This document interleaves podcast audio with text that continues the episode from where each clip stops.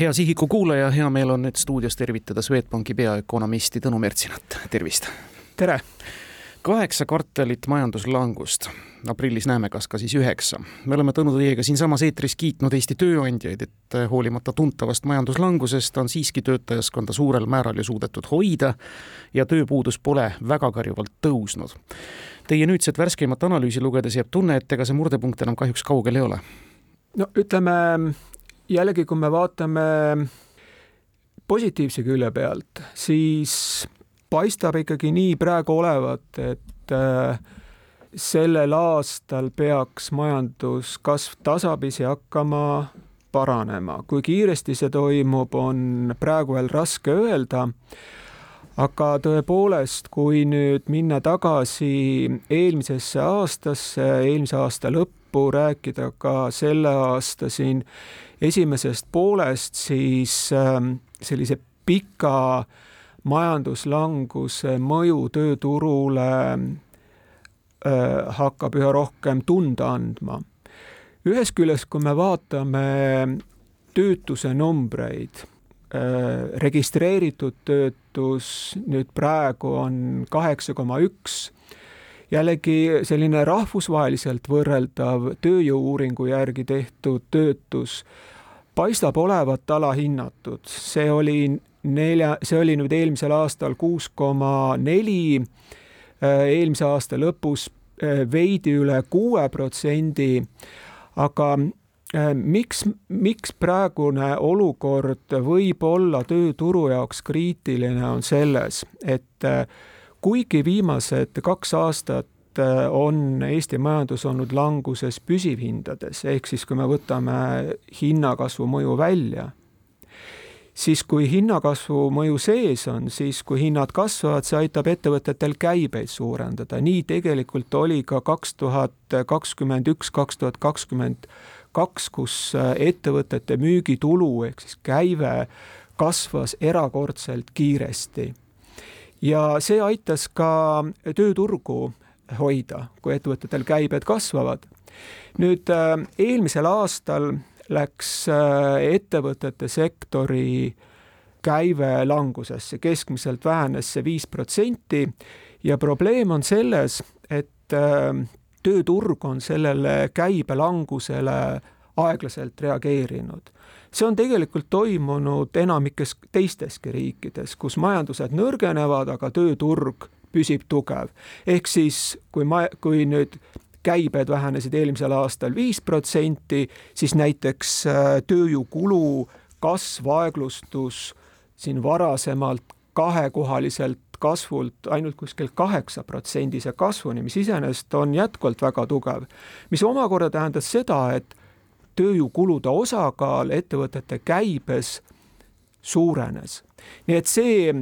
see on üks selline, selline negatiivse mõjuga löök tööturule nagu te välja tõite, need võrdlusbaasi numbrid aastaist kaks tuhat kakskümmend üks, kaks on ikkagi muljetavaldavad olnud, no see oli koroonajärgne aeg, kus kõik tulid paisu tagant välja, tootlikkus, kasuminumbrid tõusid, noh, ütlesite just käibe pool. Ja noh, sellega tulebki siis lihtsalt leppida, et see võrdlusbaas on nõnda suur olnud ja, ja sinusoidne, see, see nõndaviisi käibki. seal oli mõju kindlasti ka kiiresti, kiirel inflatsioonil, et inflatsioon äh, kiirenes äh, järsult ja äh, samal ajal oli veel nõudlus tugev, mistõttu ettevõtete kasumid ka tegelikult suurenesid, et mitte nüüd ainult äh, mitte nüüd ainult ettevõtete käibed, vaid tegelikult oli väga suure kasvuga ka väga suure kasvuga ka ettevõtete kasumid, mis nüüd eelmisel aastal langusesse läksid. aga mis, mis nüüd sellise baasefekti juures on oluline, baasefekti all ma pean silmas seda, et kui varasemal kahel aastal olid kasvud tugevad ja nüüd on langusesse läinud, siis kui me tõmbame sellise pikaajalise kasvutrendi, et milline oleks võinud olla äh, selline tavapärane äh, kas siis kasumite kasv või ka, või ka ütleme, käibekasv, siis äh, eriti just käibekasvu juures näeme me seda, et, et eelmisel aastal ettevõtete käib, käive jäi veel tegelikult üle pikaajalise trendi kas sellega on seletatav ka see hulgikaubanduse müügitulu langus? töötlevast tööstusest me saame aru, ekspordile orienteeritud sektor, peamiste partnerite üsna kehv käekäik pole meil ka uudis, aga just see hulgikaubandus pani korra kulg, kulme kergitama. Jaa, hulgikaubandusest tuli äh, kuuskümmend protsenti, isegi veidi rohkem äh, käibelangusest. E, siin muidugi selle, selle, nende numbrite juures ma pean kindlasti seda ette ära ütlema, et sellised kvartalinumbrid on väga esialgsed, need võivad aasta statistika täpsustudes muutuda. aga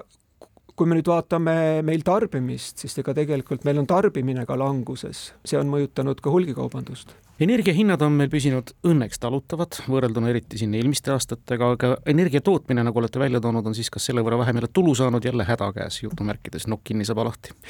jaa, kui vaadata ka püsivhindades skp numbreid, siis äh, sealt tuleb ka välja see, et, äh, et Eesti majanduses kaks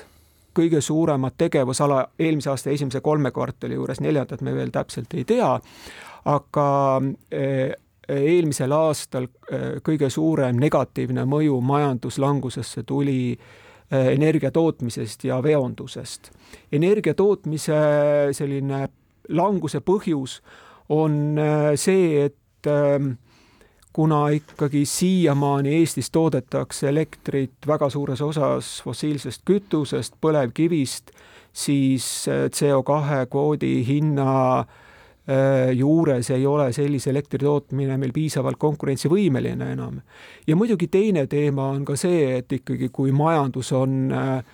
pikka aega languses olnud, eks siis ole ka väiksem nõudlus elektri järgi ja ka elektri äh, kasutamine on muutunud efektiivsemaks Te olete välja toonud, et tunni tootlikkus on vähenenud, kusjuures töötundide arv justkui tõusnud. Öelge nüüd palun, et see tunni tootlikkus ei võrdu tööviljakusega, meil hakkab oluliselt kergem põhimõtteliselt on see töö, need on kaks sarna-, äh, kaks äh, erineva nimega sõna, jah, see on, äh, kui palju toodetakse tunnis väärtust, väärtust., no antud juhul siin, kui siin on juttu käibest et tegelikult ega kui siin tuua nagu kaks näidet, üks on siis, kui palju luuakse tunnis käivet ja teine on see, kui palju luuakse tunnis lisandväärtust, siis käive on läinud langusesse ja see lisandväärtus kasv on kiiresti aeglustunud, noh, tegelikult ei ole nendel numbritel väga suur vahet, ehk siis see tähendab seda, et kuna ettevõtete käibed on läinud langusesse, aga samal ajal äh,, samal ajal töötatud tundide arv äh, on aeglust, on vähenenud aeglasemalt, siis nende kombinatsioonis selline tulemus ongi. tühi töö ja tuule tallamine, öeldakse selle kohta vist vanasõnana. investeeringute kasv on aeglustunud, kas ka jätkuvalt seoses sellega, millest kõik on rääkinud, ehk siis see ebakindlus, mis on tingitud küll Ukraina sõjast, meie lähedusest Ukraina sõjale, pluss veel ka valitsuse väga vastuolulistest sõnumitest ja maksupoliitilistest otsustest, mis ei anna kindlust? Ettevõtete investeeringud on tõepoolest äh, languses äh,. õig-, täpsemalt öeldes tegelikult, kui me vaatame nüüd äh, jooksevhindades, mitte nüüd hinna või inflatsiooniga läbi jagatuna, siis investeeringute kasv eelmisel aastal kiiresti aeglustus. ütleme, kui siin kaks tuhat kakskümmend oli investeeringute kasv ligi kakskümmend protsenti, siis eelmisel aastal ainult kolm ja selle taga on ühest küljest ettevõtete suurenenud ebakindlus, vähenenud nõudlus ja, ja muidugi ka kõrgele, kõrgemale tõusnud intressimäärad, mis on, äh, mis on investeeringuid pidurdanud ja mis siin salata, äh, intressimäärade tõusu üks selliseid peamisi eesmärke on ka see, et hoida tagasi investeerimisnõudlust seda ohtu ei ole, et midagi oleks nüüd kõik valmis saanud, kui ütlete, et nõudlus on vähenenud, betoon on valmis valatud, teed on valmis tehtud, et siin oleks justkui perspektiivi veel absoluutselt, selles mõttes, et ega me ju näeme ka praegu seda, et äh, intressimäärad on tasapisi allapoole tulemas. kui vaadata ka siin seda aastat, järgmist aastat, siis Euribori langus peaks, peaks jätkuma. teisest küljest et äh, majapidamiste ostujõud tasapisi paraneb, küll on jah, kahjuks veel kindlustunne inimestel väga nõrk. nii et see peaks ikkagi majandusele tooma siin mm, inimeste poolelt nõudluse paranemist. nüüd, kui rääkida sellisest välisnõudlusest ehk siis sellest, kuidas võiks meie eksportival sektoril siin lähiajal välja see väljavaade olla, siis lähiajaks sellist midagi positiivset veel öelda ei saa, aga kui me paneme aasta kokku, siis selle aasta peale tervikuna me näeme küll, et meie suuremate kaubanduspartnerite majanduskasv ja koos sellega ka impordi kasv peaks sellel aastal tulema parem, kui see oli eelmisel aastal, mis tähendab osa, omakorda ka äh, välisnõudluse sellist kerget paranemist. lootuses, et positiivsete sõnumitega saame Tõnu teiega järgmine kord jätkata, ütleme täna suur aitäh tulemast Sihika stuudiosse, Tõnu Mertsinas, Swedbanki peaökonomist. palun